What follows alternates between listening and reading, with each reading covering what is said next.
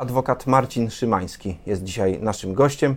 A jeśli pan mecenas, no to sprawy frankowe. Dzień dobry. Dzień dobry, dziękuję. E, nasza rozmowa będzie dotyczyła wydarzeń e, w Trybunale Sprawiedliwości w Unii Europejskiej w najbliższe dni, konkretnie w środę i czwartek. Czekają nas tam dwie dość istotne sprawy. Są dwie sprawy, rzeczywiście. Jedna w środę przewidziana jest rozprawa w jednej ze spraw, ogłoszenie opinii Rzecznika Generalnego w drugiej sprawie. Obie sprawy dotyczące w pewnym zakresie podobnego zagadnienia, a mianowicie możliwości zbadania przez sąd e, abuzywnego, nieuczciwego charakteru postanowień umowy już w sytuacji, w której e, zapadł wyrok nakazowy, w każdym razie po prawomocnym, niekorzystnym dla konsumenta rozstrzygnięciu na poziomie postępowania e, komorniczego. Du dużo mamy takich przypadków, że już e, jest e, po postępowaniu nakazowym? Wydaje mi się, że trochę ich mogło zostać. Nikt chyba nie prowadził jakichś bardziej szczegółowych mm, podsumowań tego rodzaju postępowań. Od pewnego czasu na podstawie orzecznictwa TSUE w zasadzie sądy nie wydają nakazów zapłaty bez zbadania na przykład na podstawie weksla y, wystawionego na rzecz banku, bez zbadania umowy kredytu, w związku z którą taki weksel został wystawiony.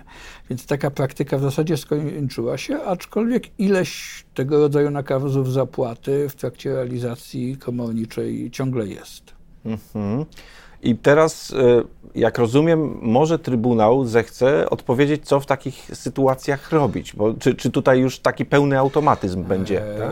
Nie wiem, czy będzie automatyzm. Pierwsza z tych spraw, ta, której rozprawa przewidziana jest w środę, ma między innymi, bo tam jest poruszony jeszcze jeden bardzo istotny, może nawet bardziej istotny problem, o którym za chwilę, e, dotyczy możliwości zbadania przez sąd w trybie nadzoru nad działaniem komornika, czy umowa, która w ten sposób jest realizowana, nie zawiera nieuczciwych postanowień. Od razu przechodząc do sprawy z kolei czwartkowej, gdzie ma być opinia, tam CUE mm, ma zastanowić się, czy jest, i tu jest szersze pewne znaczenie, możliwość wznowienia postępowania zakończonego prawomocnym wyrokiem e, w sytuacji, w której ten wyrok zapadł jest sprzeczny z orzeczeniem TSUE wskazującym na właściwą wykładnię prawa wspólnotowego. Czyli mówimy pewnie o sprawach wcześniejszych, które mówimy, kończyły się zanim e, tak. Luksemburg się wypowiedział. I to może być nadzieja dla bardzo wielu frankowiczów, których sprawy zostały rozpoznane niezgodnie z prawem unijnym. Hmm. Jeżeli w tym przypadku zapadłaby pozytywna odpowiedź Trybunału Sprawiedliwości Unii Europejskiej, takie osoby, których wyroki, a znam takie wyroki, które można powiedzieć, że rażąco naruszają prawo wspólnotowe, powstałaby możliwość wznowienia postępowań i osiągnięcia rozstrzygnięcia, które byłoby dla konsumenta korzystne. I pewnie w czwartek dowiemy się, gdy już będzie ogłoszona opinia rzecznika, kiedy Trybunał zechce w tej sprawie swój wyrok wydać, tak? Być może tak, a w każdym razie, jak to w większości takich przypadków, opinia Rzecznika Generalnego da nam no, duży materiał do przewidywania, w którym kierunku rozstrzygnięcie TSUE pójdzie. Jest jeszcze jedno zagadnienie, o którym wspomniałem, mianowicie pytanie sądu w sprawie środowej e, dotyczy również znaczenia wpisu postanowień umownych do rejestru klauzul niedozwolonych. E, sąd Polski pyta TSUE, czy należy stosować to w ten sposób, czy zgodnie z prawem wspólnotowym należy uznać, że wpis takiej klauzuli do rejestru klauzul ma charakter wiążący również w sprawach, w których przeciwko bankom, które nie były e, stronami postępowania, które doprowadziło do dokonania takiego wpisu do rejestru klauzul. Czyli banki, które przejęły interesy innych banków. Nie tak? tylko banki, które. Chodzi o to, że jeśli w umowie zawartej z określonym bankiem istnieje klauzula, której znaczenie, której sens, nawet nie literalne brzmienie, jest analogiczne jak klauzula, która już została wpisana do rejestru klauzul niedozwolonych, to w zasadzie zwalniałoby sąd w badaniu kolejnej sprawy, z badaniu, czy ta, to postanowienie jest sprzeczne z dobrymi obyczajami, narusza interesy konsumenta, czy ono jest e, nieprzejrzyste. E, w zasadzie sąd wystarczająco żeby było, żeby zbadał, czy nie powstała ona w toku indywidualnych uzgodnień. Bardzo uprościłoby to e, postępowania w tych sprawach i ułatwiło dochodzenie swoich roszczeń konsumentom. A mamy przecież spraw frankowych mnóstwo i będzie jeszcze więcej.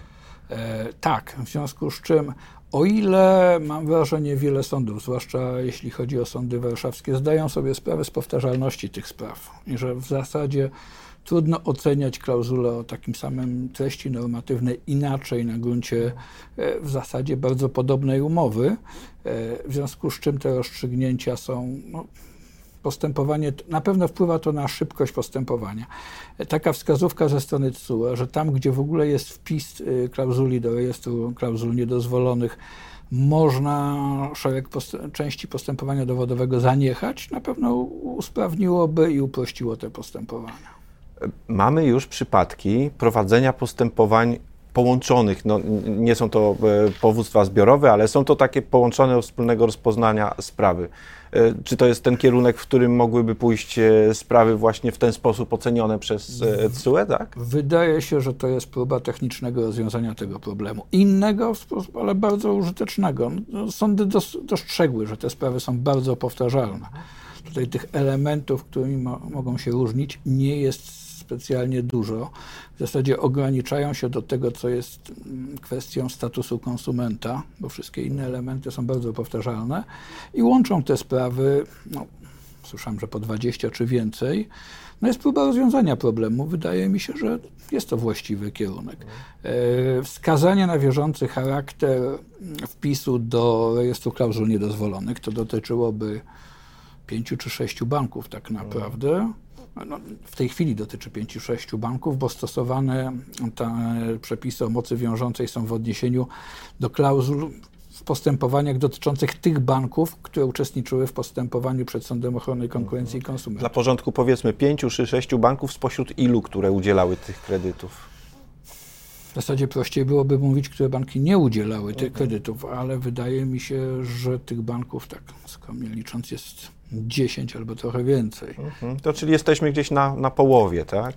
Nawet może, może więcej niż połowie. Część tych banków zostało przejętych, natomiast tak naprawdę było bardzo mało banków, które nie udzielały tego rodzaju kredytów. No tutaj możemy mówić o wielkości portfeli, ale w zasadzie większość, mhm. większość rynku e, udzielało takich, tego typu umów. Mhm.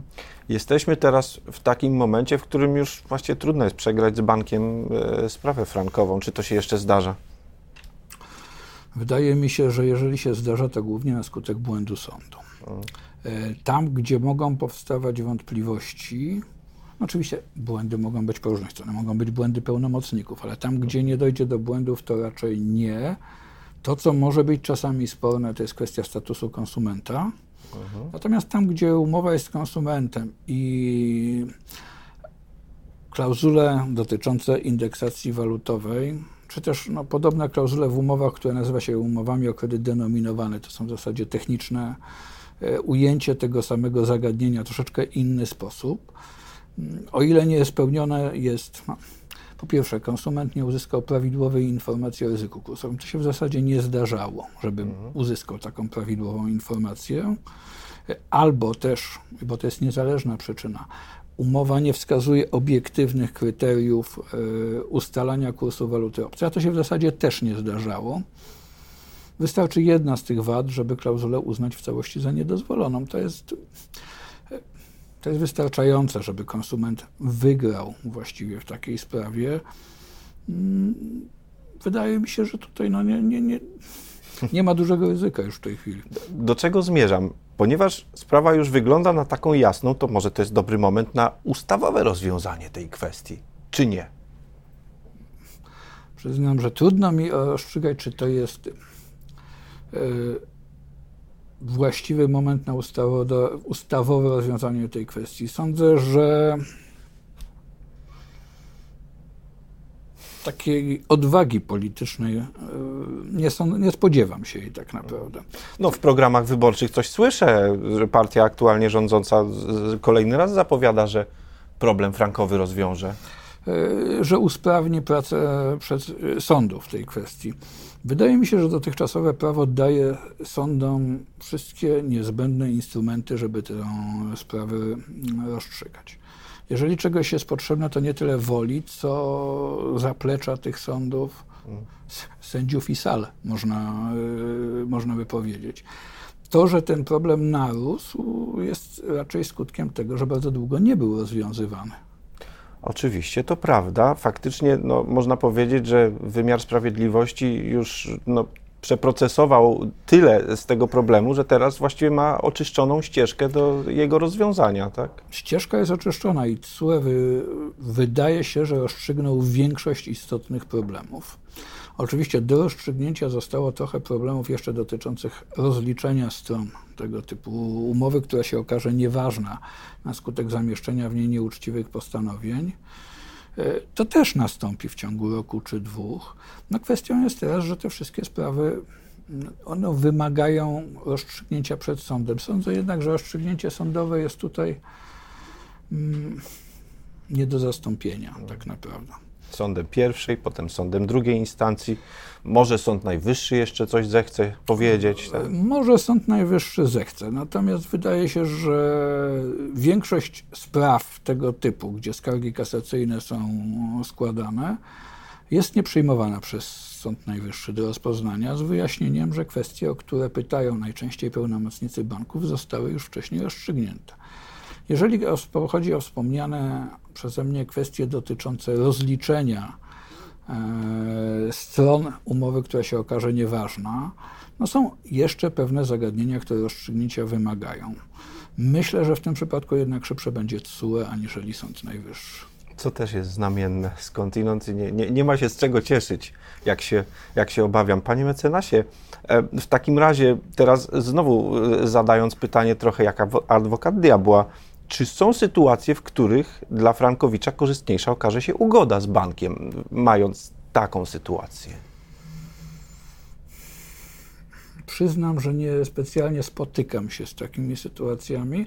Jedyna sytuacja, którą znam, taką, gdzie w tym przypadku konsumentowi bardzo zależało na czasie z mhm. przyczyn osobistych potrzebował rozstrzygnięcia tej sprawy w ciągu miesiąca. I pieniędzy pewnie. No, pieniędzy w ciągu miesiąca. I w tym przypadku w wyniku tej kalkulacji, do czego on tych pieniędzy potrzebował, no to było racjonalną decyzją było no, zawarcie ugody. Jak do tej pory te ugody są dużo mniej atrakcyjne niż to, co konsument może uzyskać w sądzie. No, z natury rzeczy ugoda nie może być aż tak dobra z natury rzeczy ugoda nie może być aż tak dobra. To prawda. Natomiast y, powiedzmy sobie, y, to co banki proponują ciągle, bardziej nie uwzględnia tego, jak bardzo rozstrzygnięta została w sądzie ta sytuacja. Ten zakres niepewności, jak, y, jaki będzie wyrok w przyszłości, nie jest aż tak duży, żeby ktoś poświęcił tyle za swojej wygranej, chyba że mu się bardzo śpieszy. Nam się śpieszy. Właśnie dobiega końca nasza rozmowa. Pora zrobić miejsce następnym. Dziękujemy Dziękuję. za spotkanie. Adwokat Marcin Trzymański był naszym gościem.